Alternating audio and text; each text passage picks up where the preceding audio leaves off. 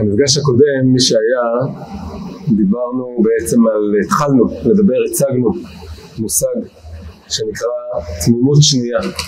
דיברנו על, על תמימות, דיברנו על זה שכולנו גדלים תמימים, וכולנו גם מאבדים את התמימות הזאת, זה חלק מובנה מהסיפור האנושי. התמימות הזאת באמת אמורה להישבר, היא לא אמורה להישאר. אבל אז יש אה, איזושהי צומת שנפתחת, שיש כמה דרכים מסתעפות מהצומת הזאת, ודרך אחת אולי יותר מתבקשת היא בעצם אה, לקנות את הסיפור של השבר, להאמין לשבר ולהישאר בתמונת עולם שבור ולהרגיש שהתמימות הזאת שהייתה היא הייתה ילדותית, היא הייתה אשלייתית ואי אפשר לחזור אליה וזה נכון שאי אפשר לחזור אליה, אבל השביל השני של הצומת מוביל לאיזה משהו מאוד מעניין שקראנו לו תמימות שנייה, שזה בעצם תמימות לא תמימה, תמימות לא נאיבית, שאנחנו בוחרים בה, שאנחנו אוחזים בה מתוך איזה פיקחון וצלילות, ושאנחנו כל הזמן מאוד מודעים לאפשרות שאפשר להסתכל על העולם שלא דרך העיניים שלה. אז זה יוצר ביחד איזה מין שילוב מאוד חזק, מאוד מעניין.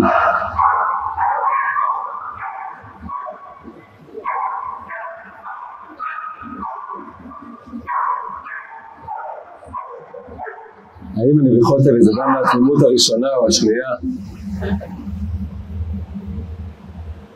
לב, חז"ל אומרים על, אה, על כלב, שכלב זה בעצם לב, כלב זה כלב, זה כמו לב, אפילו הם אומרים כולו לב, הוא משקף משהו מהלב האנושי, יש לו הרבה רגש, הוא מאוד שמח, מאוד עצוב.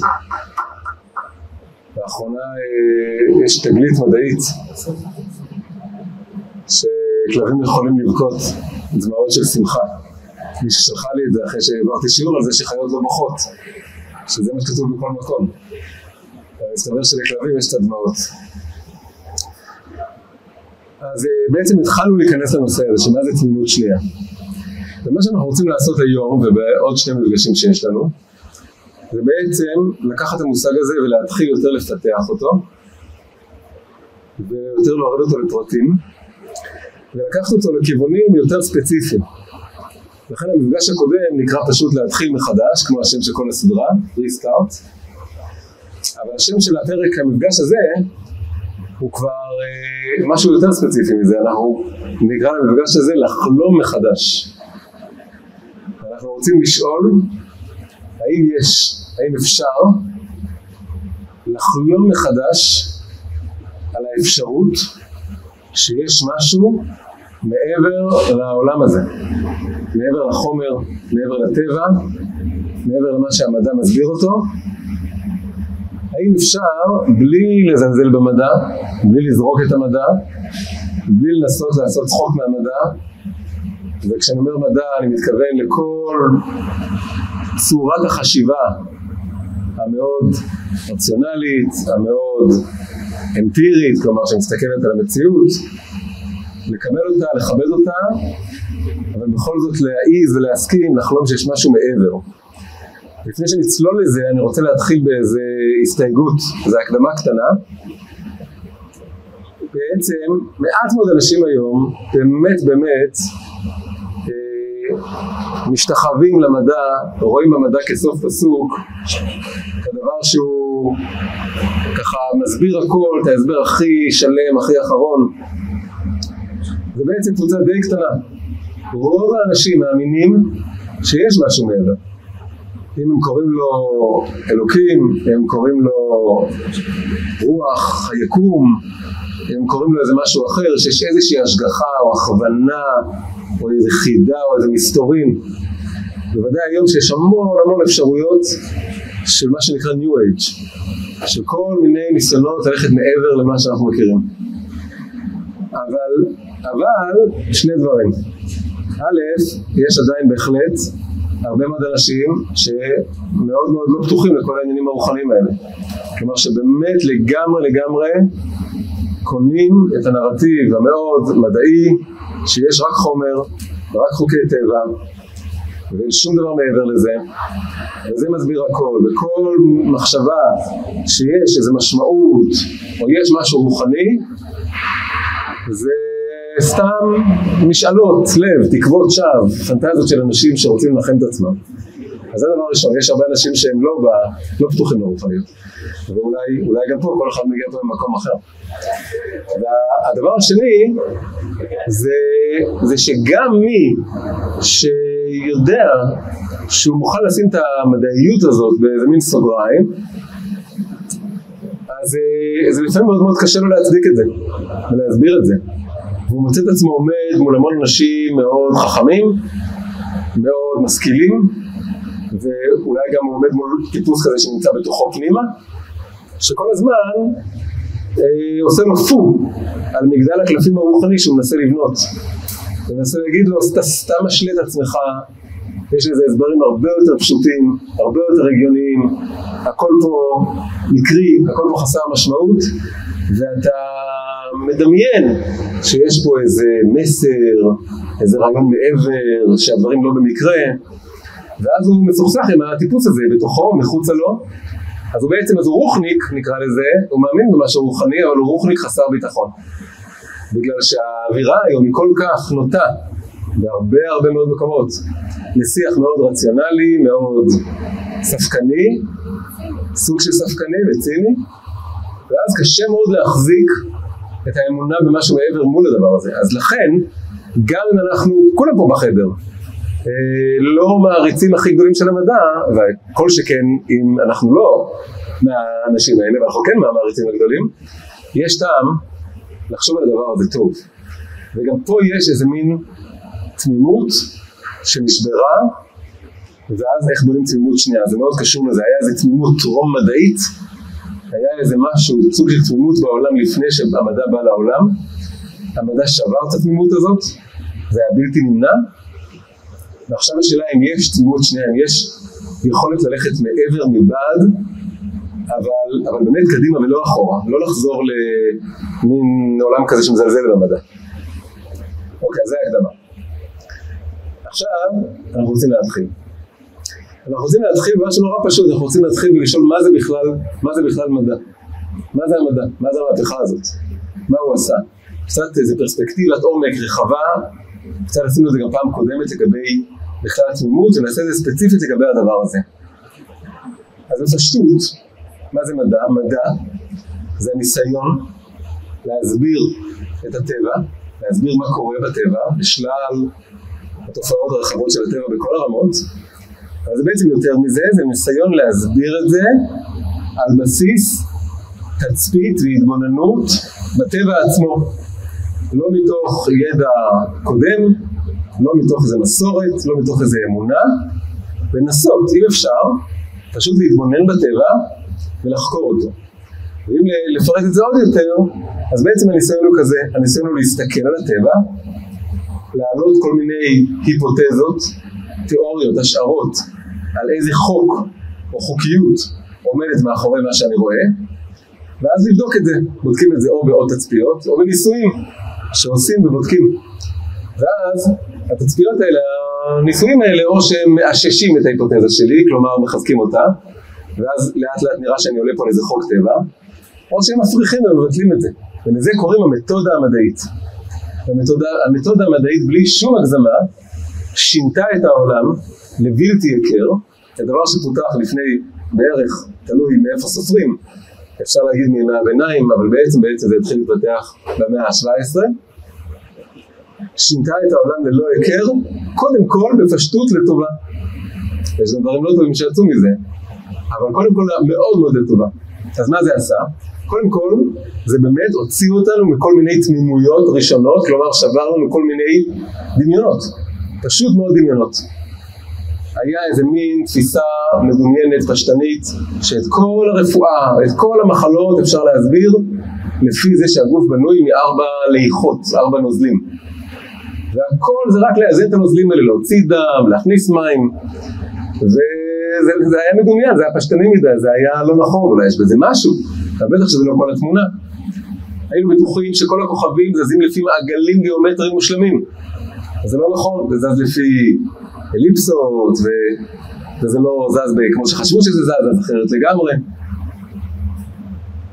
והיו בטוחים שליקוי חמה זה תופעה ספונטנית, שברגע זה בשמיים, בגלל שכועסים או בגלל שרוצים להעביר איזה מסר אחר, אז החליטו פתאום לעשות ליקוי חמה. ולכן זה אומר משהו על מה שעשינו אתמול או לפני חודש, ו... וזה לא נכון, אנחנו יודעים שזה לא נכון. ועוד כהנה וכהנה דברים פשוט מאוד התנפצו על סלעי המציאות ברגע שמסתכלים עליה טוב, ועולים על החוקיות ועולים על המנגנונים. וחשפנו עולם שלם של חוקיות, של מבנים, של חומרים, של תהליכים, שהקצב שבו זה קרה הוא לא ייאמן, זה ב-200-300 שנה הידע שלנו הכפיל ושילש וריבע ופימע מכל מה שהיה לנו קודם לכן. ויחד עם הדבר הזה גם הגיע לנו ארגז כלים איך לשחק עם הטבע, איך לבנות כל מיני מכונות, מכשירים, ולפתח חומרים, ולהמציא תרופות, והצלחנו לבנות אמ, מרכבה בלי סוסים, והצלחנו לבנות לעצמנו כנפיים, לעוף איתם לארצות אחרות ולעוף איתם אפילו לחלל, והצלחנו לפתח אנטיביוטיקה, והצלחנו גם לבנות מהכיוון השני אה, נשק השמדה המונית, לבנות פצצת אטום. עשינו המון דברים, זה רק חלק מהראיות להצלחה הכבירה של הדבר הזה שנקרא המתודה המדעית, שמנסה כל הזמן לא ליפול לאמונות שווא ולתקוות שווא ולפנטזיות על מה הייתי רוצה שתהיה המציאות, אלא לנסות לשאול את המציאות מהי באמת. ולנסות את זה ולבדוק את זה ולחפש את זה ועד שאני באמת מצליח להבדיל את המשאלה וההשערה המומצאת מדבר שבאמת באמת מחזיק מים, באמת עובד. וזה עד כדי כך שינה את העולם, אנחנו, אנחנו השתננו, אנחנו שינינו את העולם, אפשר להגיד שכל הרעידת אדמה התרבותית שאנחנו נמצאים בתוכה היא במידה רבה מאוד באה מתוך הדבר הזה, ואפילו עד כדי כך שיש מין גישה כזאת שאומרת שאנחנו בעידן גיאולוגי חדש. יש עידנים בגיאולוגיה, יש דעה כזאת, נחפש את זה בגוגל, אחרי השיעור, שנקראת האנתרופוקן. אנתרופוקן עם קוף, באנגלית זה אנתרופוסין, זה מין תיאוריה או רעיון, זה לא בדיוק תיאוריה, זה מין הצעה. לחשוב על הדברים ככה, שאנחנו, אנתרופו זה אדם, הסיומת הזאת כן, סין באנגלית זה סיומת של, סיומות של עידנים גיאולוגיים. האנתרופוקן זה אומר שאנחנו בעידן חדש שהאדם משנה את העולם בצורה שאי אפשר לזהות אותה. שינינו את כל התוואי של העולם, בנינו כבישים ומנהרות, ומחקנו הרים ו- ו- ויצרנו איים, ואנחנו משנים את העולם בקצב מסחרר, זה כבר עידן גיאולוגי חדש, אנחנו מתערבים בטבע ברמה אחרת. עכשיו, לכל השינוי המדהים הזה, והתגלית הזאת, שיש כזה דבר מתודה מדעית, אפשר להסביר בצורה המון, באמצעותה המון דברים, יש לזה סוג של קאץ'. לא יודע אם קאץ' זה המילה המדויקת, אבל יש איזה סוג של תוצר לוואי. יש איזה סוג של השלכה שהיא לא בהכרח צומחת באופן מתבקש או הכרחי מכל המדע הזה, אבל היא בוא נגיד, היא מאוד, היא מאוד מפתה, היא מאוד זמינה, מאוד קל להגיע אליה.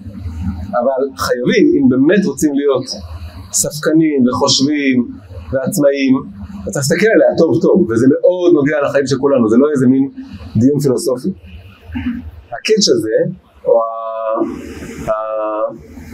השגיאה הזאת, או המסקנה הכוזבת הזאת, זה בעצם אפשר לחלק את זה לשלושה כשלים, שלוש מסקנות נמהרות, או קפיצות לוגיות, שהרבה מאוד, לא כולם, והרבה מאוד אנשים עשו אותם בעקבות השינוי המדהים הזה, התגלית המדהימה הזאת של המתודה המדעית, הידע המדעי שהיא הניבה וכל האפשרויות הטכנולוגיות שזה פתח.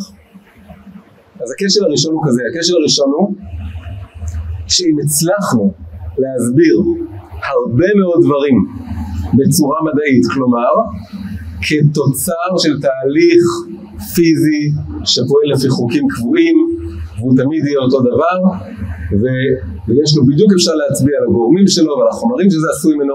אם הצלחנו להסביר המון דברים ככה, סימן שאת הכל אפשר להסביר ככה. זה הכשל הראשון.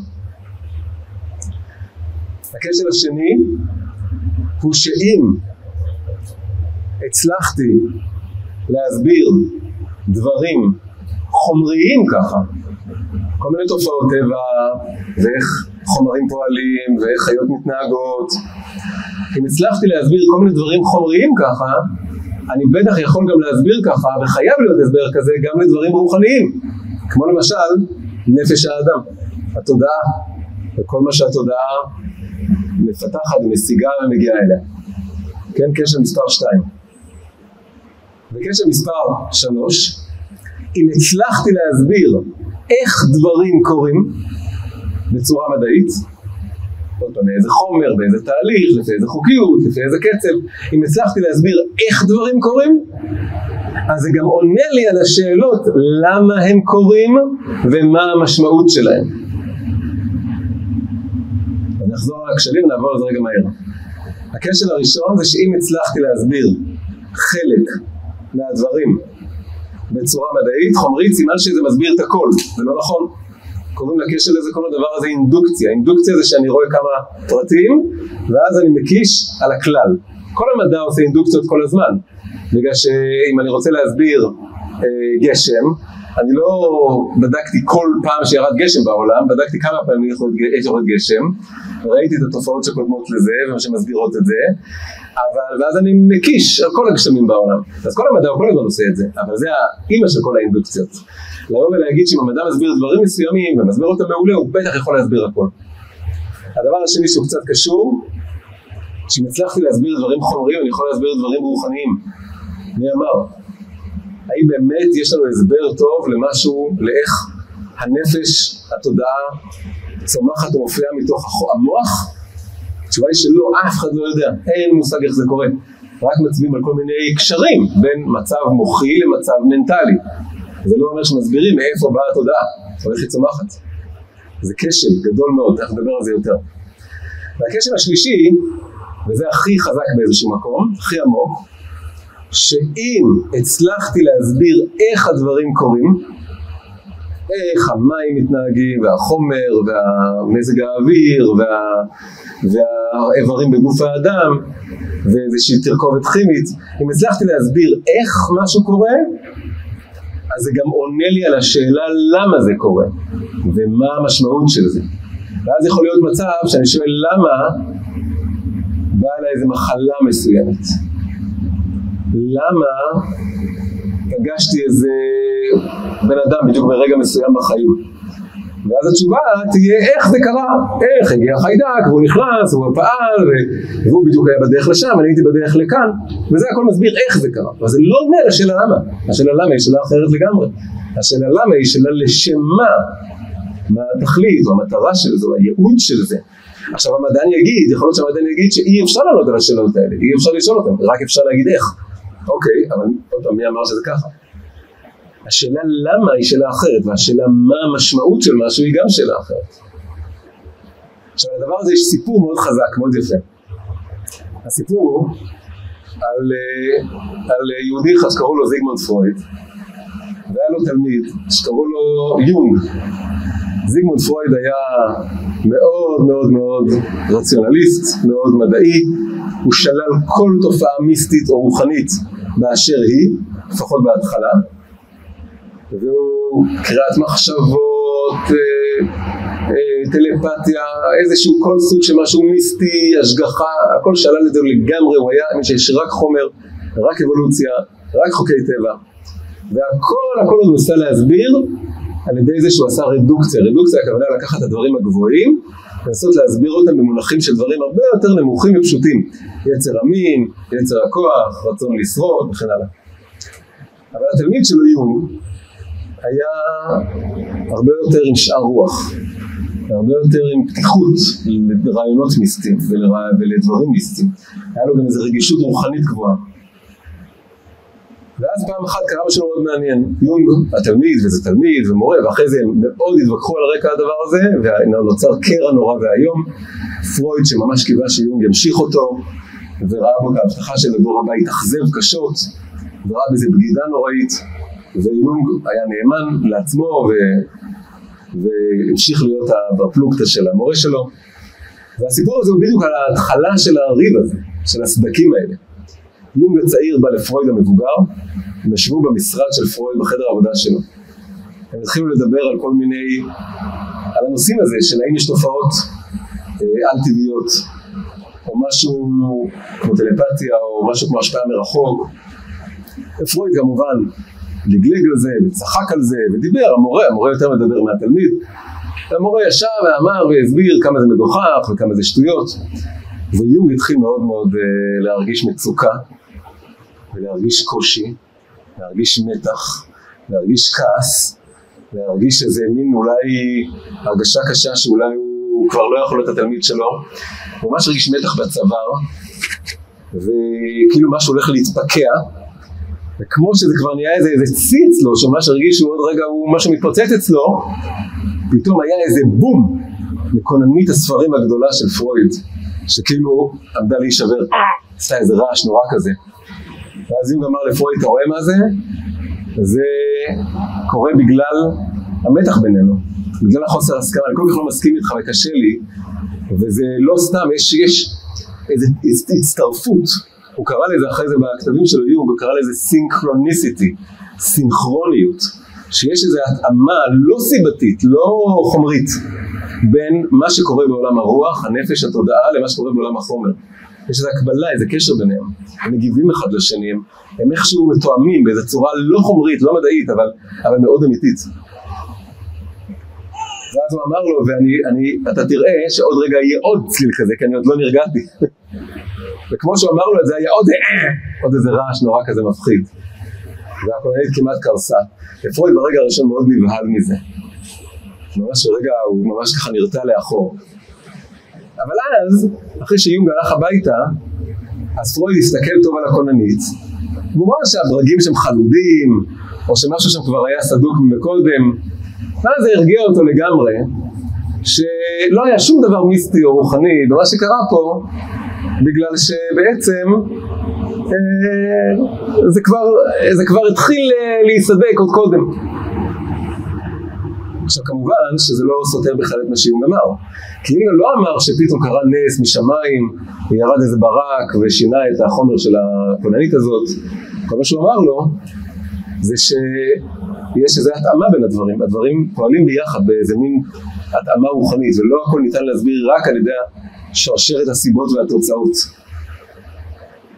אפשר להגיד זה קצת נוגע בעוד כשל במדע, וזה שהמדע רק חוקר תופעות שאפשר לחזור עליהן, תופעות שחוזרות על עצמן. אם אי אפשר לשחזר את זה בניסוי או לצפות בזה שוב ושוב, אז זה לא מדעי. אז תופעה מיוחדת, תופעה אישית, תופעה חד פעמית, המדע לא מתחיל לחקור אותה אפילו. יום דיבר על זה הרבה מאוד. אז זו דוגמה מאוד מאוד חזקה לאיזה מין סיפור כזה שאפשר לספר אותו בדרך של פרויד, לבוא ולהגיד סתם צירוף מקרים, סתם מקריות, ויונג יגיד לא אין כזה דבר. אפשר להגיד שאין כזה דבר צירוף מקרים, יש רק, זה, ש, זה שיש צירופי מקרים זה רק מוכיח שיש צורף מקרים, שיש מי שמצרף את המקרים. כן.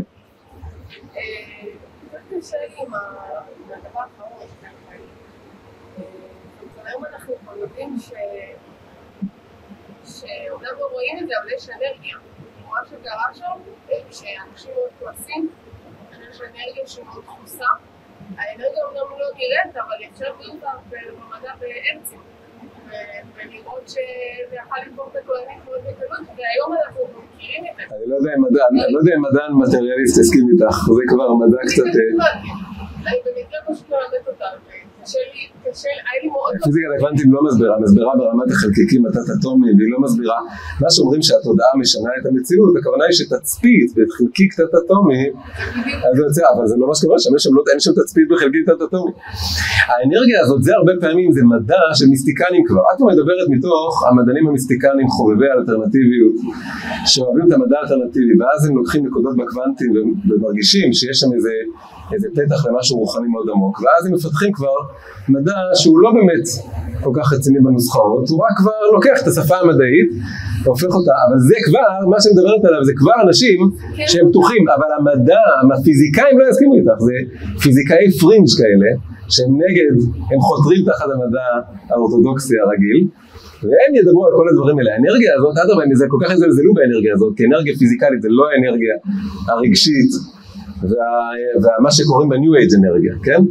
אז מה שאני מדברת עליו זה כבר איזה מין אה, טשטוש או חיבור שמנסים ליצור בין המדע לבין המיסטיקה, אבל זה לא המדע proper, המדע proper המטריאליסטי הוא לא מוכן לשמוע מהדברים האלה, ובאמת לפעמים זה קצת תופרים אותם בספרים גסים, כלומר באים אנשים ולומדים קצת קוונטים וקצת כל מיני דברים ואז מנסים להקיש מזה הדברים רוחניים ומיסטיים לפעמים יש בזה משהו, לפעמים פחות, צריך לראות בדיוק איך עושים את זה, אבל מה שאת דיברת הרגע על האנרגיה הזאת זה בדיוק המדען יבוא ויגיד, זה בדיוק לא המדע הרציני. כי זה עוד לא מפותח, זה עוד מאה שנה. אוקיי, בסדר, בסדר. אז זה מה שיום, רצה לפתח, נכון, הדברים האלה. אז אה, בכל אופן, אז יש פה, זה נקודה, יש פה המדע, ללא ספק, אנחנו לא רוצים לחזור אחורה לעולם טרום טכנולוגי, אנחנו לא רוצים לחזור לעולם שאין בו רפואת שיניים עם אה, הרדמה, ושאין בו מטוסים, ושאין בו הרבה מאוד דברים. אבל מצד שני צריך להבין שהיה פה איזה כשל שמנסה, מנסה שלוקחים צורת הסבר שמסבירה הרבה מאוד מהעולם ומנסים להכיל את זה על כל העולם ועל כל המציאות ועל כל הדברים. וזה לא נכון, זו תמונה שמסבירה הרבה דברים ולא מסבירה את כל הדברים. היא משאירה למעשה, יש בה חורים מאוד מאוד גדולים, ותכף באמת גם נדבר עליהם קצת. ולכשל הזה, אגב יש לזה שם, קוראים לזה באנגלית, יש סייאנס, מדע, מדע זה דבר רציני, אמרנו זה מתודה מדעית, להסתכל ולהבין. אבל הקפיצה הזאת, שהמדע מסביר הכל והכל חייב להיות מוסבר על ידי תהליך מדעי, קוראים לזה באנגלית סיינטיזם, אפשר לקרוא לזה בעברית מדענות או מדעניזם, זה בעצם לא שונה מאמונה, זה סוג של אמונה דתית שיש לה הרבה יסודות, היסודות זה שהמדע מסביר המון דברים, אבל להניח שאם הוא מסביר המון דברים, סימן שמסביר הכל, סימן שאין שום מקום לשום רעיון או תופעה או מחשבה של משהו רוחני, מיסטי מעבר, היא היא הכשל הזה, היא הקפיצה הזאת. עכשיו לכל הסדרה הזאת קראנו לזה איך להתחיל את הנשמה לפי הקבלה, אבל בעצם פעם קודמת כמעט לא הבאנו קבלה. אז עכשיו צריך יותר להתחיל להכניס את זה. ועכשיו אני כן רוצה קצת להכניס, להתחיל להכניס מושגים קבליים קצת, שיכניסו את כל הסוגיה הזאת שדיברנו עליה עכשיו, כל הנושא הזה, אה, קצת למושגים באמת בעולם של הקבלה. מה זה קבלה? תורת הסוד של היהדות. משהו מאוד עתיק שהולך עם היהדות מזמן, אם כי רק ב-200 שנה האחרונות לאט לאט יוצא, יוצא לאור. מתוך הבנה שבדור שלנו זה השפה שהיא צריכה להיות כבר נחלה, נחלת כולם באיזשהו אופן. אז הקבלה, המושג שאנחנו נרצה להכיר אותו עכשיו זה מושג שנקרא ארבעת העולמות. יש מושג בקבלה שאומר שאין עולם אחד, יש ארבעה עולמות, בעצם אפילו הרבה יותר, אבל יש ארבעה עולמות עיקריים אנחנו שוכנים או חווים, רואים מסביבנו את העולם הכי תחתון מביניהם, ויש עוד שלושה עולמות, זה בעצם יותר, אנחנו מדברים על ארבעה עולמות, ואנחנו נעבור למהר קצת מלמעלה למטה, נגדיר אותם, ואז נראה איך זה, כל זה מתחבר לנושא הזה של אה, מדע, ואם יש משהו מעבר למדע, אם המדע מסביר הכל או מסביר רק חלק. אז קודם כל נכיר את המושגים, איך נקרא איך קוראים לארבעת העולמות האלה. אז מלמעלה למטה, קוראים לעולם הראשון קוראים עולם האצילות, לעולם השני קוראים עולם הבריאה, לעולם השלישי קוראים עולם היצירה, ולעולם הרביעי קוראים עולם העשייה. אנחנו במובן מסוים בעולם העשייה, ולפעמים עושים חילוק, ואומרים שאנחנו בעולם העשייה הגשמי, יש גם עולם העשייה הרוחני, כלומר שכל ארבעה העולמות הם רוחניים. אבל זה לא כרגע מעניין אותנו הפרטים האלה, מעניין אותנו ארבעת המילים האלה, אצילות, בריאה, יצירה, עשייה. אומרים את זה הרבה פעמים כראשי תיבות, אביה, א', ב', י', ע'. אז מאוד בקצרה, מה זה כל עולם? אז העולם הראשון, עולם האצילות, הוא בעצם עולם מיסטי לגמרי. הוא עולם שהוא אפילו מעל הבריאה, כלומר עולם שמדברים שבריאה זה יש מאין, שבראשית ברא אלוקים, אז זה כאילו עולם האצילות מדבר על עוד לפני בראשית ברא אלוקים. הוא מדבר על משהו שהוא מעל הבריאה הרגילה, מעל החומר לגמרי, וזה לא כמו שרגילים אולי מדתות המזרח, מין אור פשוט כזה ומופשט כזה של איזה מין נירוונה, זה עולם מורכב, זה עולם משוכלל, זה עולם שיש בו את כל מה שנקרא בקבלה עשר הספירות ו-22 האותיות של השפה העברית לפי הקבלה העברית עם כל הספציפיות שלה, דווקא 22 אותיות ודווקא בצורה שלהם זה שפה מיוחדת, שפה לשון הקודש, שפה שהיא כבר בעולם האצילות היא נמצאת. אז זה עולם מורכב ומשוכלל אבל הוא מיסטי לגמרי, הוא עולם לגמרי אלוקי ולא כל אחד יכול להשיג אותו ולהבין אותו והוא בעצם אנחנו גם לא נתעסק איתו, הוא ממש עומד מעל הכל. אם כי כל המושגים האלה בכלל מגיעים ממנו. אחד ההסברים שהמילה אצילות זה מלשון אציל, זה אצל האלוקות, זה כל כך קרוב לאלוקות שזה ממש אצלה. זה אצל לקדוש ברוך הוא, אי אפשר להבדיל את זה ממנו, כמובן זה גם קשור למילה אצילי, כלומר גבוה, כמו מעמד האצילי, וזה גם קשור למילה להאציל, להאציל זה כאילו משהו שופע החוצה, אבל לא, לא נפרד מהמקום שלו. אם אני שופך מים מאיזה קנקן, והמים האלה עדיין מחוברים לקנקן, הם עוד לא נפרדו מהקנקן, זה סוג של האצלה, ועולם האצילות נאצל מתוך האלוקות, אבל לא נפרד מהאלוקות, זה הרעיון. אחרי זה, עולם הבריאה זה עולם שכבר מתאר את המציאות שמתחילה להיברא, לקבל איזה ממשות, איזה נבדלות מהקדוש ברוך הוא. זה עולם שהוא כבר, הוא לא מיסטי, הוא שכלי, הוא שכל מאוד גבוה, וספציפית הוא שכל שעומד מול זה שיש בורא. יש בורא, ו... והוא בורא את העולם בכל רגע ורגע, מחדש בטובו בכל יום תמיד, מעשה בראשית.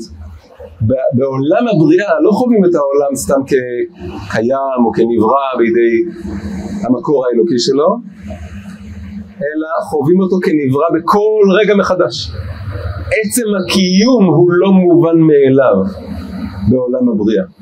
אז כל הזמן בוערת השאלה למה זה קיים? והאם אני מצדיק את הקיום שלי? כי ברגע הבא אני יכול כבר לא להיות קיים. אבל הקדוש ברוך הוא מעניק קיום לעולם בכל רגע ורגע. ככה זה בעולם הבריאה. אז עולם של שכל אבל שכל שהוא לא סתם שכל רגיל הוא שכל מול הקדוש ברוך הוא. למה בראת אותי? מה המשמעות של העולם? לא חשיבה נגיד מדעית אלא חשיבה תיאולוגית נקרא לזה אחרי זה עולם היצירה, זה כבר נהיה הרבה יותר עם פרטים.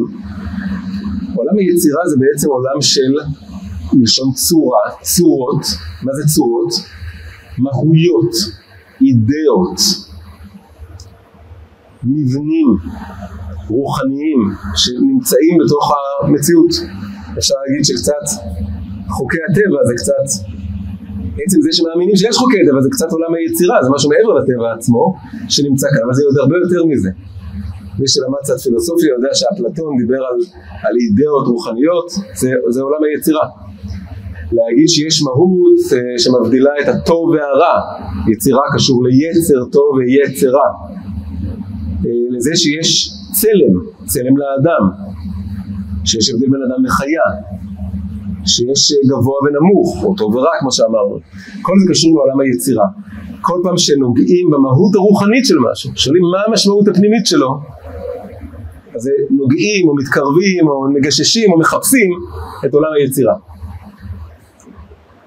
ואז בסוף מגיעים לעולם העשייה.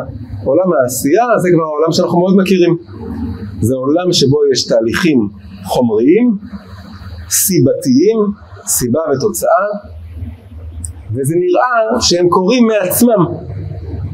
ככה זה נראה, יש משהו בעולם העשייה שהוא מציג את עצמו כאילו יש רק טבע, הטבע מתגלגל והדברים קורים מעצמם, אין משהו מעבר לעולם הזה. עכשיו תראו דבר מאוד מעניין. ביוון העתיקה, שדיברו על הטבע ועל העולם, איך הם ראו את העולם? האם זה רק היה עולם העשייה, רק היה עולם חומרי? לפעמים אומרים על היוונים שהם היו נורא חומרניים, והם רק רצו חומר, וסגדו לגוף האדם ולספורט, אבל זה לא נכון. היה להם צדדים מאוד מאוד רוחניים. והצדדים הרוחניים האלה מאוד מאוד ביטאו מחשבה של עולם היצירה. הם האמינו שיש סדר רוחני עמוק לטבע, ארבע יסודות וארבע ליכות והמידות של גוף האדם שגילו בו כל מיני יחסים מתמטיים מופלאים כמו חתך הזהב. וכל הדברים האלה, או, או האידאות של אפלטון, הסדר הזה הרוחני ההגיוני שהעולם בנוי ממעגלים מושלמים, כל מיני רעיונות היה להם, לא היה להם כמעט בכלל, חוץ מכמה פילוסופים, את הרעיון שיש אלוקים אחד שהוא מעבר לדברים האלה, וגם אותם פילוסופים שדיברו על אלוקים אחד, הם לא דיברו עליו כמי שבורא את העולם בראשית ברא אלוקים. הם אמרו שהעולם תמיד היה קיים, ויש איזה כוח עליון שיוצר את הצורה, כלומר האלוקים שלהם היה יוצר, הוא לא היה בורא. העולם היה קיים, היה להם אלוקים אחד לפילוסופים, לאריסטו, לאפלטון, אבל הוא היה יוצר, הוא לא היה בורא, הוא כל הזמן נתן את הצורה לעולם, הוא היה מין ארכיטקט, אבל הוא לא היה בורא. אז היה להם את עולם היצירה. אחרי זה, מה הגיע לתרבות המערב? הגיעה הנצרות, וגם הגיע האסלאם, למזרח יותר. הנצרות והאסלאם הביאו איתם את האמונה שבאה מהתנ"ך, באה מהיהדות, שיש גם בורא לעולם.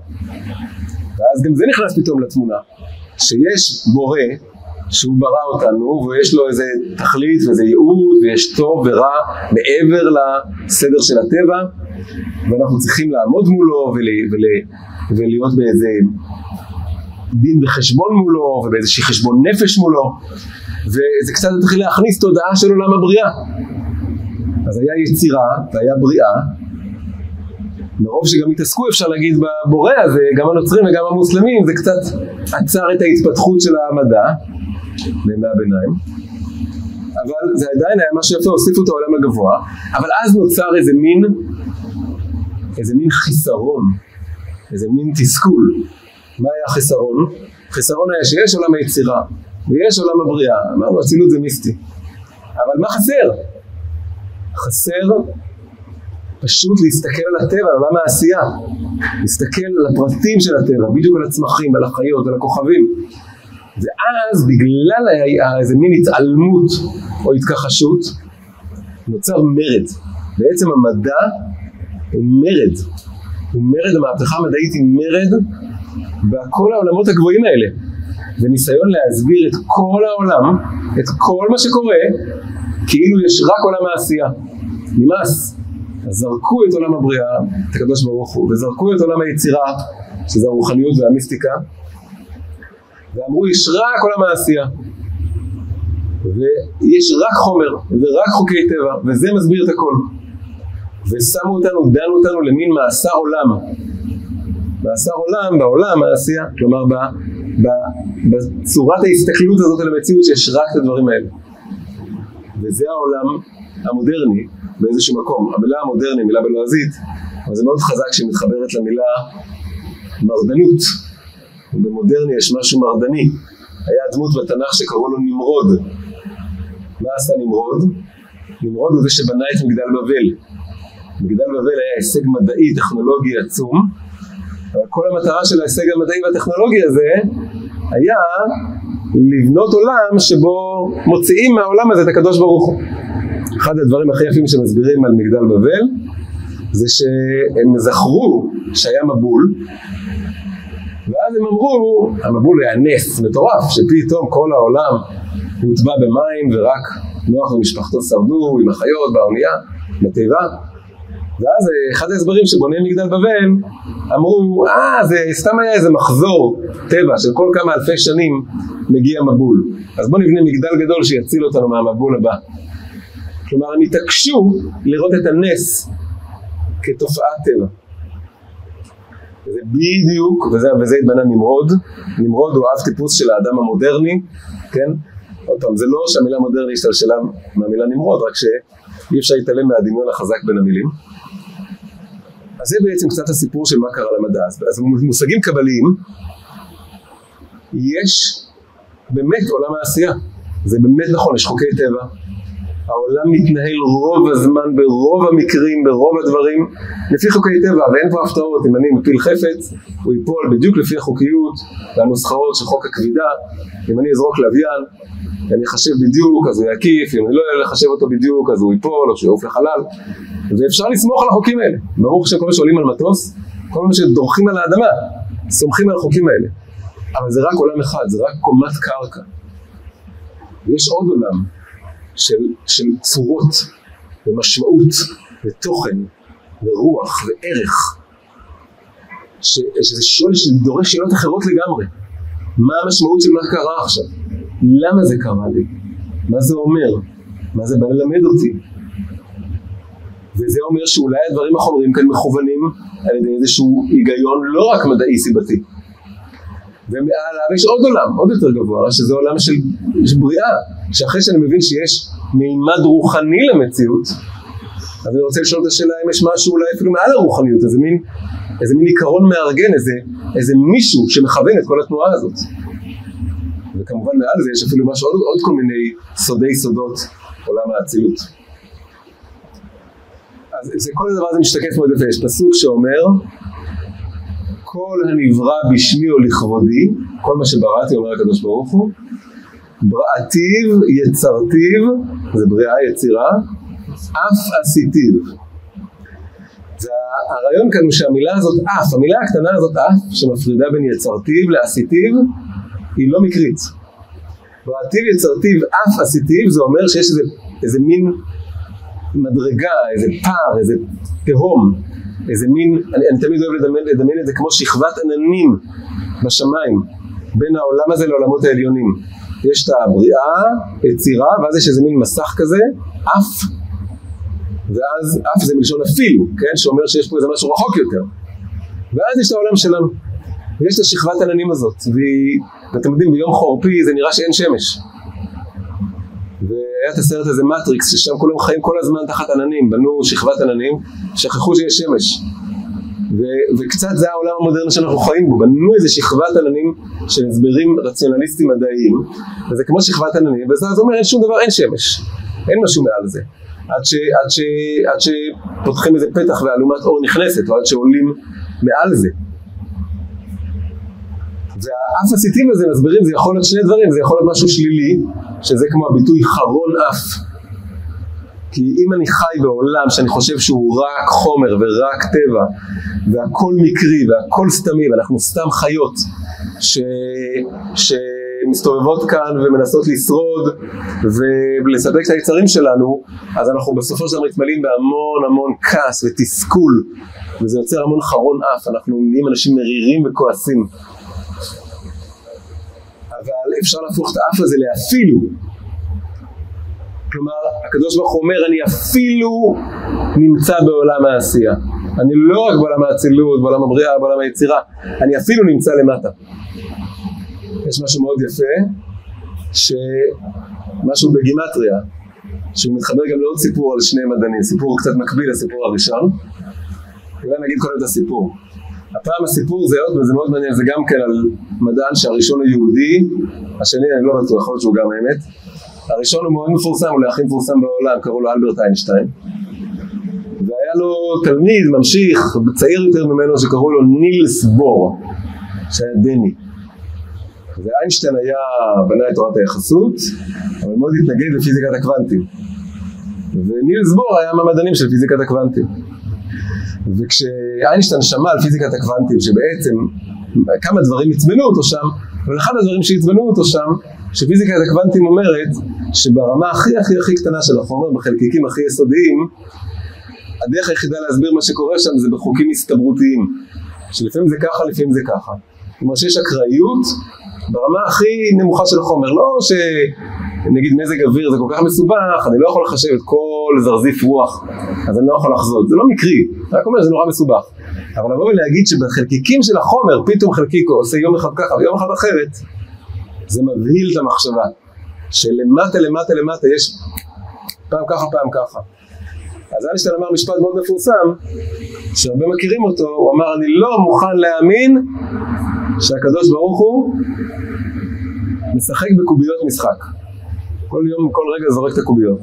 זה משפט מפורסם שהוא אמר, אני לא מוכן להאמין שהקדוש ברוך הוא משחק בקוביות משחק. לא בדיוק שהוא האמין בקדוש ברוך הוא, אבל זה ביטוי. צחוק צחוק, יש פה איזה משהו חזק, כאילו באמת מנסה להגיד איזה אמירה על העולם. אבל הוא האמין במשהו שפינוזה כזה. הוא מאמין באלוקים של שפינוזה, הוא אמר. אלוקים של שפינוזה זה אלוקים שהוא בחוקי הטבע. אמר גם שאי אפשר להכחיש שיש. כן, אבל הוא מתכוון לסוג מסוים של אלוקים, לא אחד שמתפללים אליו, לא אחד שבורא את העולם, אחד שהוא, שפינוזה זה אומר שהוא הוא חוקי הטבע. אז תכף נדבר על זה. אבל הכי מעניין זה לא המשפט הזה, אלא התשובה שענה לו התלמיד. מה אמר לו נילס בור? תשובה מאוד חזקה. הוא אמר לו, אל תגיד לאלוקים מה לעשות עם הקוביות שלו. עכשיו בעצם לדבר הזה אפשר גם את זה לתת פה איזה מין נגיעה או איזה מבט קבלי נורא מעניין. לקדוש ברוך הוא יש בתורה כמה שמות. יש לו הרבה שמות, יש לו שבעה שמות קדושים. אבל מתוכם יש שניים עיקריים, השניים שמופיעים הכי הרבה. אחד זה השם אלוקים, כותבים את זה א', ל', ה', י', מ'. והשם השני זה השם שלא מבטאים אותו, בין ארבע אותיות, י' ואז ה' ואז ו' ואז ה'. אפילו כל כך נזהרים, שלא אומרים אפילו את האותיות, אומרים י' ק' ו' ק', ככה נוהגים להגיד את זה, מי שלומד יהדות ולומד קבלה. אבל זה השאר באותיות שכולם מכירים. זה שני השמות העיקריים בכל התורה ובכל התנ"ך, זה השמות שמופיעים לאין ארוך יותר מכל שאר השמות. כל הזמן. השם, מה שקורה, הוויה, אפשר לקרוא לזה שם הוויה. שם אלוקים, שם הוויה. עכשיו שם אלוקים, א', ל', ה', י', מ', הגימטריה של זה זה 86. מה זה 86? זה כל מיני דברים, אבל אחד הדברים שזה 86 זה הטבע. הטבע בה"א ידיעה. הטבע, ה', ט', ב', עין, אלוקים שווה הטבע. כש- כשאיינשטיין אמר שאלוקים לא משחק בקוביות משחק, הוא חשב על שם אלוקים. שם אלוקים זה חוקי הטבע, זה גם, המילה הזאת אלוהים, זה גם אומר דיינים, דיינים בבית משפט. הם הולכים לפי דין, לפי חוק, לפי היגיון. שם אלוקים הוא שם ההיגיון, שם הצדק, שם הדין. וזה בגימטריה הטבע. ושם הוויה הוא נחשב גבוה יותר. והוא בעצם, יש בתוכו את המילים היה, הווה, יהיה, הוא מעל הזמן, מעל המרחב, הוא מידת הרחמים, הוא מתאר משהו שהוא מעבר לטבע, מעבר למציאות. ומה מה, מה, מה מעניין פה בגימטריה? ששם הוויה זה גימטריה, כן, י', ה', ו', ה', ביחד זה יוצא 26. ההבדל בין 86 ל-26 זה 60. 60 זה בין השאר המילה כלי. כלי זה לבוש או מיכל, מילה מאוד קבלית. מה יוצא מזה? כלי, כף ל"ד. זאת אומרת שאפשר להגיד שאלוקים, שזה הטבע, זה גם כלי הוויה, הלבוש של שם הוויה. בחוץ אתה רואה את שם אלוקים, אבל אם אתה רוצה ללכת יותר עמוק אתה תמצא משהו יותר גבוה. אלוקים זה חוקי הטבע, אבל אם אני מסכים ללכת מבעד לזה מעבר להוריד את הכלי, את הלבוש, את המיכל החיצוני, אני יכול לגלות כאן את שם הוויה. אז אפשר להגיד שאיינשטיין קצת דיבר על שם אלוקים, ונילס בור קצת דיבר על שם הוויה, אבל כל המילים והאותיות האלה זה בעצם רומז לאיזה מין מבניות כאן. אפשר להוסיף לזה עוד קומה אחת, אם אני הולך למטה, כמו שלוקח 26 שם הוויה, מוסיף לו 60, קיבלתי אלוקים, אפשר לעשות עוד צעד. אם אני לוקח 86, מוסיף לזה 60, הגעתי ל-146, אז זה גימטריה עולם. אז זה יוצא עוד יותר יפה, שבהתחלה אני רק רואה עולם. ואז אני מתחיל לחפור ולחקור, ואני מגלה שיש פה סדר. איזשהו סדר והיגיון, אז אני קצת מוצא את אלוקים. אבל עדיין זה אלוקים שלא עושה ניסים, ולא מתערב, ואין בו... הוא מאוד מרוחק כזה. ואז צריך לעשות עוד איזה צעד, עוד איזה קפיצה. וכל הרעיון פה זה שאני, עוד פעם, אלוקים זה, עולם זה כלי אלוקים, הלבוש של אלוקים. אני מוריד את הכלי, אני מגלה את אלוקים, אני מוריד את הכלי מאלוקים, אני מגיע לשם הוויה. אז יש פה מבנה של שלוש קומות, שזה קצת כמו לעבור מעולם העשייה לעולם היצירה, לגלות חוקיות וגם חוקיות רוחנית, ואז להגיע לעולם הבריאה, שיש בורא, שיש שם הוויה. אז זה קצת איזה שהם מבנים, מבנים שיש פה על הדבר הזה. אז, אז מה שהסיפור הזה בעצם בא להמחיש, או מה כל הרעיון, כל המבנה הקבלי הזה בא להמחיש, זה שאנחנו חיים בעולם העשייה, המדע רוצה לטעון שזה כל מה שיש, זה נכון שבאמת העולם הזה הוזנח, במובן הזה המדע זה ברכה ומתנה וצעד עצום וענק בהתפתחות של התודעה האנושית. אבל נהיינו שיכורים, נהיינו מסונברים מהמחשבה שהצלחנו להסביר כל כך הרבה דברים בעולם העשייה, שבנינו איזה מסך עננים כמו שם במטריקס, שאז לא רואים את השמש, לא רואים את השמיים, לא רואים את מה שמעבר. אפשר להגיד משהו כזה, וזה פה מאוד נוגע לחיים, שהמדע צייר ציור מדהים.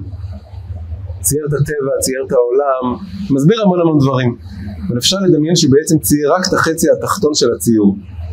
שיש קנבס מאוד גדול, והמדע צייר את החצי התחתון שלו, הוא צייר את האדמה, עד איזה קו אופק, עד איזה נקודה, ששם הוא כבר לא נכנס, הוא לא אמור להיכנס, זה לא התפקיד שלו. רק שהוא קצת מועל בתפקיד שלו, כשהוא אומר שהוא פתאום גוזר את הקנבס בנקודה שהוא מגיע אליה, והוא אומר, פה נגמר הציור. זה, זה כל התמונה. להל, רגע, למה? כי, כי רק את פה אתה יודע לצייר? נתפס לך אגב, אתה לא יודע להרים את הראש יותר גבוה, או כי אתה, או כי אין לך, לא לימדו אותך בבית ספר למדע, להסתכל למקומות האלה, אז, אז אתה גוזר את הקנבס, אל תגזור את הקנבס, תגיד שמפה, אתה לא יודע. זה התשובה האמיתית. זה מה שאני יודע, יש איזה מעגל אור מסביב לפנס רחוב או מסביב למדורה, זה מה שאני יודע, וזה מה שאני לא יודע. יש את הבדיחה המפורסמת על החלמאי, שראו אותו מחפש מצבע מתחת למעגל האור. שאלו אותו, מה, מה אתה מחפש? הוא אומר, מטבע, איך לאיבוד מטבע? צריכים לעזור לו, כולם מגיעים למעגל האור, עוזרים לו. אף אחד לא מוצא את המטבע, עוזרים, עוזרים, תגיד, הורים בסוף אומרים לו, תגיד לי, איפה איבדת את המטבע הזה?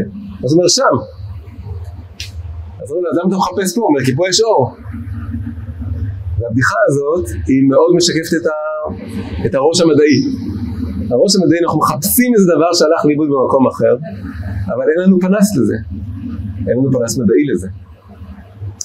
אז הרעיון הוא שאנחנו צריכים לזכור שהמדע מסביר את החצי התחתון של התמונה. אבל יש חצי עליון. אני אוסיף לזה עוד, עוד דבר אחד, שדוגמה בעצם לדבר הזה, ואז נפתח את זה לאיזה סבב של תגובות או שאלות, או כל אחד איפה זה פוגש אותו. המקום שבו, נקרא לזה המארג הצפוף של תמונת העולם המדעית, שכאילו מסבירה הכל, יש איזה חור באמצע המארג הזה.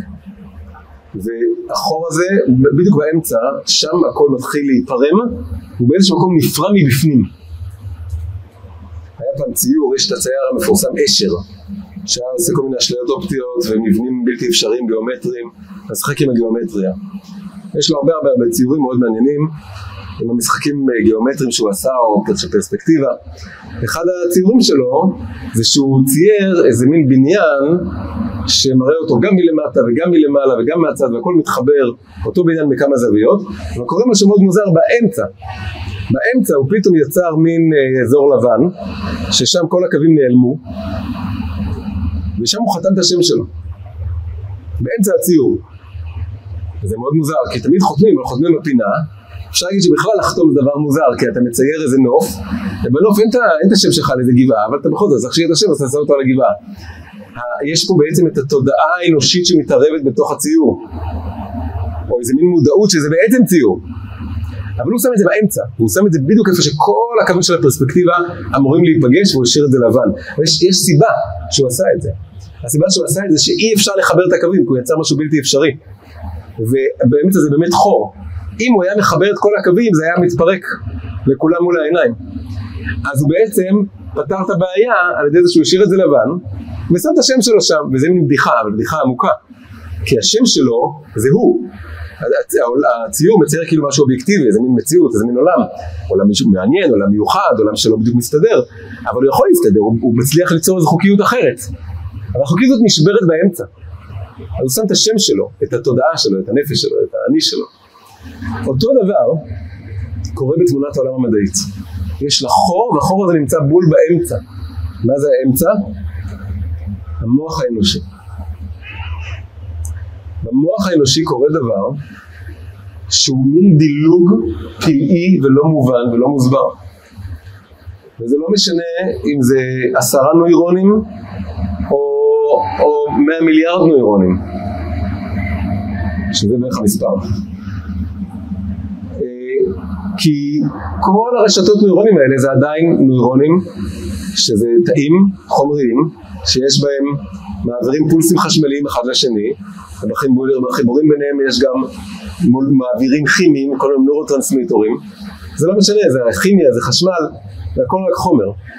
אבל בתוך המוח מתחולל דבר לא מובן שזה תודעה ונפש. ופה ניתן כמה דוגמאות קטנות, איך אנשים שמו את האצבע על החור הזה והראו איך זה מפורר הכל, ופורם הכל, מבפנים. אז אחד, זה פילוסוף אמריקאי שקוראים לו תומאס נייגל. הוא אמר משפט, הוא, הוא היה לו מאמר מאוד חשוב, שלצערי אין אותו באינטרנט בעברית, אבל יש אותו באנגלית. הוא תורגם לעברית באיזה ספר, אבל הוא לא, אי אפשר, אין אותו ברשת. המאמר הזה נקרא איך זה להיות עטלף. ובמשפט אחד מה שהוא אומר שם זה שאנחנו יודעים, אנחנו יודעים כמעט הכל על איך הטלף עובד. הטלף הוא מאוד מעניין, הוא חיה כמעט עיוורת, הוא, הוא מנווט דרך סונאר, הוא מוציא גלי צליל, גלי קול, הם חוזרים אליו, הם נותנים לו תמונה תלת-ממדית של המרחב, והוא לא מנווט דרך ראייה, הוא לא מנווט דרך שמיעה, והעתקנו את זה כשבנינו את הסונאר של הצוללות והמטוסים. אז אנחנו יודעים איך זה עובד, אנחנו יודעים איך הוא עף, ואיך הוא מתחבא, יודעים הכל. חוץ מדבר אחד, שאנחנו לא יודעים ולעולם לא נדע, והוא החור שבלב היקום, הוא לא רק החור שבלב העטלף, וזה איך זה להיות עטלף. יש איזה זה פאזל שבאמצע שלו יש חתיכה חסרה, והיא תמיד תהיה חסרה, בגלל שזה לא רק איך להיות עטלף, זה גם איך זה להיות הבן אדם שמולי, או כל אדם אחר. אני, יש איזו חוויה סובייקטיבית עם משהו שהמדע לא חוקר אותו ולא בודק אותו. הוא התחיל במאמר הזה, משם הוא הלך והרחיק, בסוף הוא כתב ספר, שכבר לגמרי שרף אותו באקדמיה, שהוא קרא לו Mind and Cosmos, התודעה והיקום. והוא אמר, הבעיה של הגוף נפש היא לא בעיה רק של חוקרי מוח, היא לא בעיה רק של מנתחי מוח, היא לא רק בעיה של אנשי המדעים הקוגניטיביים קוראים לזה, היא בעיה של כולם, בגלל שהיא אומרת שהיקום הוא לא רק חומרי. זה לא משנה אם רוב היקום הוא חלל ושמשות ואבק כוכבים. כי ברגע שיש מוח במקום אחד בעולם, המוח הזה פותח פתח לעוד איזה משהו אחר לגמרי שנקרא תודעה. ושכל ומחשבה ורגש ועולמות של רוח. זה החור שבאמצע היקום. יש את המסעדה שבסוף היקום ויש את החור שבאמצע היקום. זה דוגמה אחת. דוגמה שנייה שמי שנגע בדיוק באותה נקודה היה, היה, היה פילוסוף אמריקאי שקוראים לו וויליאם ג'יימס. וויליאם ג'יימס התחיל אה, בבית נוצרי, פרוטסטנטי מאמין, האמין בקדוש ברוך הוא, האמין בנשמה, האמין בבחירה חופשית. הגיע לאוניברסיטה, הרסו לו את התמימות הראשונה, כל החברים שלו אמרו לו, מה אתה עדיין מאמין בשטויות האלה, אתה לא יודע שזה הכל זה רק חומר, חוקי טבע, ולאט לאט שרפו לו את כל האמונות. עד שהוא נהיה חילוני, אתאיסט, גמור, שיש רק רק חומר. עד שהוא היה חולה במחלה שסיכנה אותו. ועכשיו פתאום מצא עצמו במצב משונה, הוא אמר, באני הקודם שלי, מה הייתי עושה? הייתי מתחיל להתפלל, הייתי מתחיל לעשות תשובה על דברים לא טובים שעשיתי בעבר, הייתי מנסה להיות אדם ראוי יותר, טוב יותר, הייתי מאמין שאני יכול אולי, הרוח לנצח את החומר, או אני יכול לבקש ממי שברא אותי לתת לי עוד חיים, כל מיני דברים אני יכול לעשות, אני כבר לא מאמין בכל הדברים האלה. אבל אז פתאום העיר לו, הוא הבין שהוא בעצם קנה באוניברסיטה איזה סיפור מסוים על המציאות, הסיפור הוא שהמוח יוצר את התודעה ויש רק חומר בעולם. אבל כשהוא ישב עם עצמו בעיניים עצומות במחלה, הוא אומר רגע, הרי את המוח מעולם לא ראיתי, את המוח של עצמי. לא שאני לא מאמין שהוא קיים, הוא בטח קיים, אבל אני לא ראיתי אותו, יש משהו שאני רואה בצורה הרבה יותר ישירה, את הנפש שלי, את הרצון שלי, את הבחירה שלי. ואני יכול להתחיל לבנות תמונת עולם חדשה, להתחיל מזה, במקום להתחיל ממה שהעיניים של כולנו רואות, שזה הגוף, אני מתחיל ממה שהעיניים הפנימיות שלי רואות בצורה הרבה יותר ישירה, שזה התודעה שלי, והתודעה היא הרבה יותר אמיתית מהגוף. ומפה אני חווה שיש לי בחירה חופשית, זה אפילו לא תיאוריה. ואז הוא כתב לאחותו, אני חוזר להאמין בבחירה חופשית, והאקט הראשון של בחירה חופשית שלי זה לבחור להאמין בבחירה חופשית. ואז הוא התחיל להתפלל ולנצח, ולכן דרך המחלה וניצח אותה. והלך וכתב ספר מאוד חשוב שנקרא החוויה הדתית לסוגיה, שבעצם מנסה להתייחס מאוד ברצינות לחוויות מיסטיות. וה, וה, והדבר השלישי והאחרון, עם זה אני מסיים, זה מישהו שאמר, מדען בריטי חי, עדיין חי, קוראים לו רוברט שלדריק, וגם הראשון חי אגב האמריקאי. ורוברט שלדריק אמר כזה דבר, כל המדענים אומרים שהמוח מייצר את התודעה. בואו בוא נציע הצעה אלטרנטיבית. דמיינו שבט שמנותק מהציוויליזציה, לא פגש שום טכנולוגיה, חי באיזה אי נידח, ויום אחד מתגלגל אליהם טרנזיסטור, היום אולי צריך להגיד סמארטפון, זה לא משנה. מתגלגל אליהם איזה מכשיר, הם נוגעים במכשיר, טאק, הוא מתחיל להפיק צלילים. הם שומעים בן אדם, שומעים גבר, שומעים אישה, שומעים כמה אנשים, שומעים דיבורים, שומעים שירים, והם uh, מניחים שכל הקולות האלה בוקעים מתוך המכשיר, שיש שם אנשים, ויש שם איזה נשמה, בתוך המכשיר עצמו, יש איזה יש ישויות, רוחות, שמפעילות, רוצים מפיקות כל הצלילים האלה. הם גם רואים שהם uh, נוגעים בכפתור מסוים, זה משנה את הצלילים. אז הם אנשים מתחילים תיאוריה שלמה, איך המכשיר הזה, ואז הם פותחים אותו, הם לא רואים שם נשמות או אנשים, אבל רואים המון חוטים ושבבים, הם משחקים איתם, אומרים, טוב, כנראה כל השבבים האלה לאט לאט מצטרפים בצורה כזאת שמצליחים לייצר את המוזיקה ואת הדיבורים ואת, ה... ואת השיחות וכל מה שאנחנו שומעים. אבל יש דבר שהם לא מודעים אליו בכלל, כי הם לא התפתחו לשם, זה נקרא גלי רדיו. הם לא יודעים שהמכשיר הזה, לא משנה כמה שבבים משוכללים יש בו, הוא לא יכול לייצר את כל המשמעויות והתכנים האלה. הוא קולט אותם. הם מגיעים באופן אחר ממרחק, מאיזה דרך דבר שהם לא מכירים. ואולי המוח הוא לא מייצר, הוא לא מחשב שמייצר את התוכנה שלו, אלא הוא, הוא מין מכשיר רדיו, הוא קולט את התודעה. ואם אפשר להרחיב את המוח, להגדיל אותו, או את הצורת חשיבה ופעילות שלו, אפשר לקלוט עוד אורכי גל, עוד תדרים, עוד רמות תודעה, ולהתפתח עוד ועוד ועוד. הרבה פעמים זה הסיבה שאנשים רצו לקחת סמים, כי הם רצו שהסמים כאילו יפתחו את המוח לקלוט עוד דברים מעולם הרוח.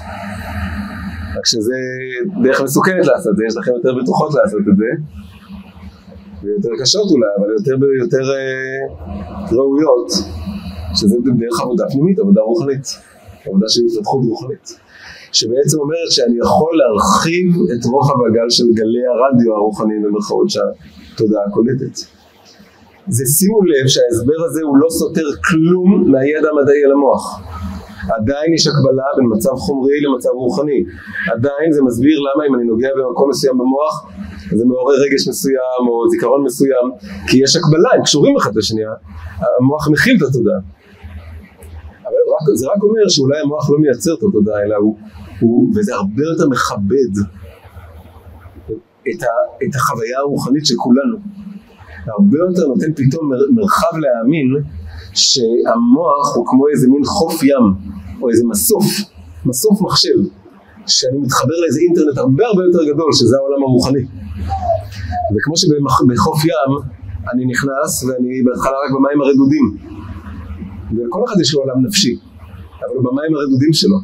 ורק אם אנחנו מוכנים לתת לרגליים לעזוב את, ה... את החול, את האדמה, להתחיל לצלול, אתה צריך להיזהר, לא להיסחף. אבל אם אנחנו מרשים לעצמנו קצת להיסחף או קצת לסחוט פנימה, אנחנו יכולים להתחבר למרחבים רוחניים הרבה יותר גדולים שנמצאים מעבר. כל הרעיונות האלה, ההוא שאמר איך זה להיות עטלף, ויליאם ג'יימס שאמר שמתוך התודעה עצמה אפשר פתאום לבנות ציור אחר של העולם, שהחומר והמוח זה רק חלק מהמציאות, אבל יש גם מציאות רוחנית שאנחנו יכולים הרבה יותר להיות אקטיביים לגביה.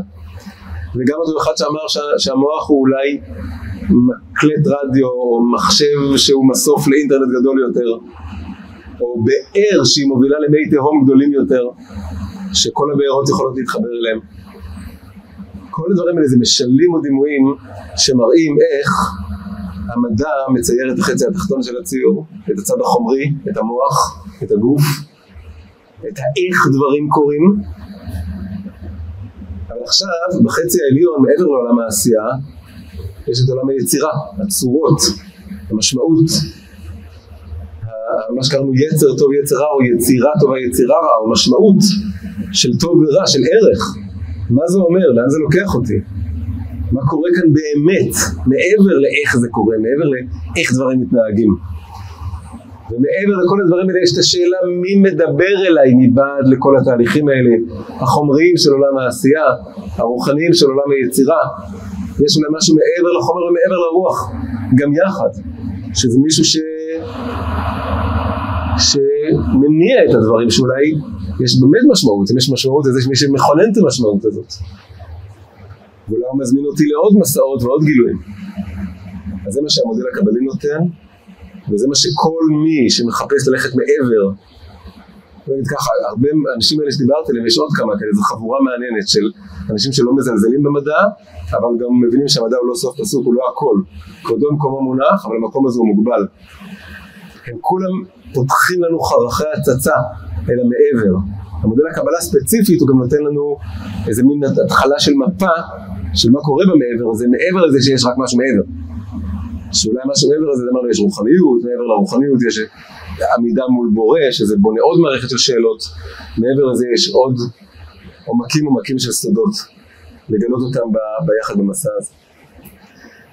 אז כל זה היה בעצם איזה מין לנסות להסתכל איך אפשר, איך הייתה תמימות ראשונה, טרום מדעית, שלא היה מדע, לא ידעו, את כל הידע המדעי, לא ידעו אותו. והיו המון הסברים לא טובים, המון הסברים מדומיינים, והיה בעצם הרבה אמת רוחנית יחד עם הרבה הרבה דברים, אה, דמיונות, שדים. המילה שד באנגלית זה דימן, זה קשור למילה דמיון. כל מיני שדים ורוחות לא אמיתיים, היה צריך לגרש אותם. בא המדע, גירש את השדים, גירש את הדמיונות, את הדימנס, אבל השאיר אותנו, הלך כאילו לקיצוניות שנייה, השאיר אותנו בעולם שיש רק חומר. ו, וזה החוסר תמימות. והתמימות שנייה זה להגיד תודה למדע, אף עשיתיו, אפילו יש לנו את עולם העשייה עכשיו גם, אבל אנחנו לא מסתפקים בזה, רוצים, רוצים יותר מזה. של כל אחד מאיתנו זה אומר להסתכל על המציאות על פני השטח שלה, להסתכל מה, לראות את ה...